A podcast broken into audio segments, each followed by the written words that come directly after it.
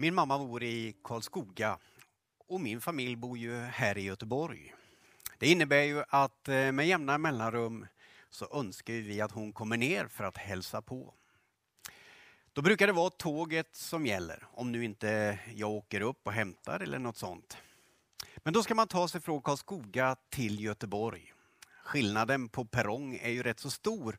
Och när man kommer till Göteborg med ett fullsatt tåg så är det samma scenario varje gång.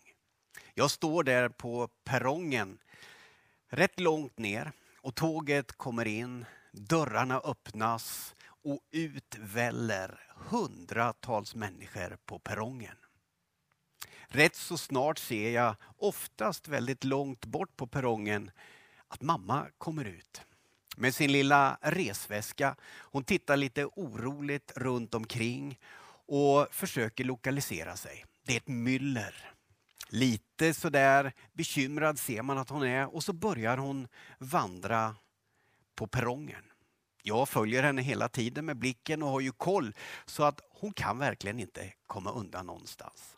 Hon går där koncentrerad, tittar sig runt omkring och helt plötsligt händer det som händer varje gång. Våra blickar möts.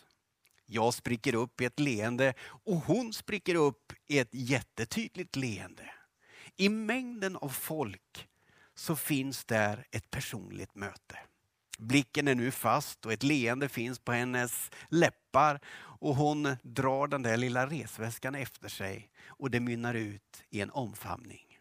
Varje gång samma upplevelse.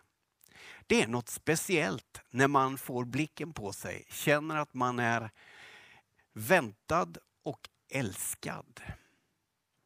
Som ni hörde inledningsvis så mm, är det en psalm som vi läser. Ni har hört delar av den.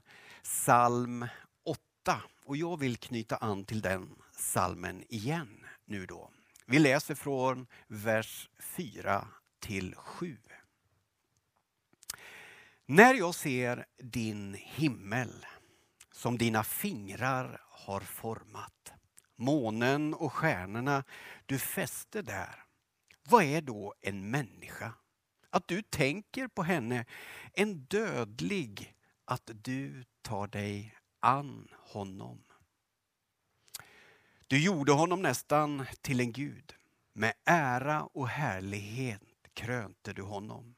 Du lät honom härska över dina verk. Allt lade du under hans fötter. En av många fantastiska salmer som du finner i Saltaren i Bibeln. När den skrevs vet vi inte riktigt. Åtminstone inte i vilken period av livet för David. Kanske var det så att han ligger där som herde en kväll eller natt med en sten som kudde och fåren runt omkring sig. Och så tittar han upp mot himmelen. Och så räknar han så många stjärnor han kan och så förundras han över det han ser. Eller också är det senare i livet. Han kliver ut på sin palatsaltan ställer sig med händerna på räcket, tittar ut över Olivberget och Kidrondalen och låter blicken gå upp mot himlen.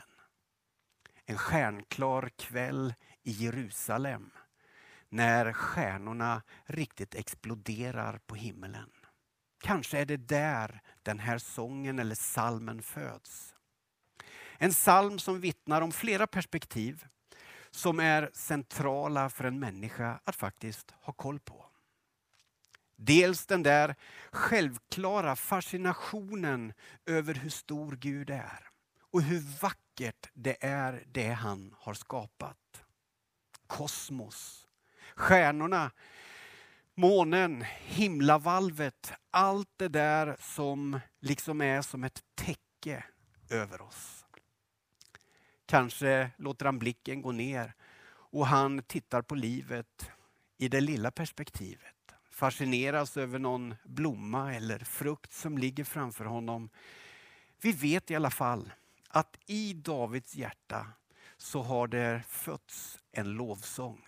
En lovsång till den Gud som är så stor och fantastisk och som in i minsta detalj har skapat. Samtidigt så ser vi också att han inser människans litenhet. Det kan vara bra att inse människans position i hela skapelsen. En abnorm självbild det brukar sällan gagna varken mig själv eller någon annan. Men en naturlig, bra balanserad självbild där jag inser min litenhet i det stora, det kan vara bra. Men när litenheten bottnar i dålig självkänsla, att man känner sig osedd, oälskad och bortkommen, då är det någonting annat. Men i den här salmen så vittnar David om att han inte är bortkommen. Han är däremot fascinerad över att Gud ser honom och har skapat honom så fantastisk. Trots att skapelsen är så stor. Mitt i allt det stora så finns det något innerligt personligt och varmt mellan en individ och Gud själv. Och hela salmen andas av detta fantastiska. Det går att leva som enskild individ i en varm relation med en stor Gud. Trots att han är så stor så är han personlig. Han tittar inte på massan, han tittar på individen och han inbjuder dig och mig till gemenskap. David levde i den gemenskapen. Han hade upplevt hur blickarna hade mötts hur kärleken någonstans hade understrukits. Han visste var han var på väg. Och han visste att det fanns en famn som väntade där han hörde hemma. Gud är fantastisk. Skapelsen är fantastisk. Du och jag är fantastiska. Skapelsens krona beskrivs vi som en avbild av Gud själv. Jag skulle så väldigt gärna vilja be en bön tillsammans med dig. Jag vet ju inte var du är den här sommardagen, eller kvällen, eller morgonen när du lyssnar. Det jag vet det är att du kan få leva i en gudsrelation. Det är enkelt. Det är enkelt att formulera en bön till Gud själv och släppa in honom i hjärtat. Han har erbjudit en väg. Han säger tro på Jesus Tro i ditt hjärta, bekänn med din mun och du ska vara en del av min gemenskap. Jag kommer förlåta dig det som har stått emellan och gemenskapen är ett faktum. Blickarna möts. Vill du så ber jag gärna en bön för dig den här stunden och du kan få blicka upp mot himmelen och fascineras över att du tillhör skaparen får jag be tillsammans med dig.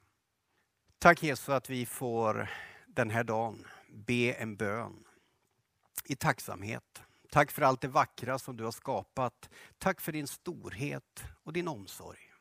Tack för detaljrikedomen och din kärlek till hela skapelsen. Tack för att mötar kan, eller blickar kan mötas och gemenskap kan knytas.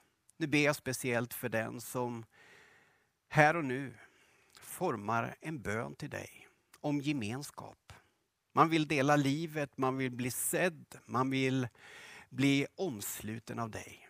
Tack att man då i sitt hjärta kan få viska Tack Jesus, jag vill tro och följa dig.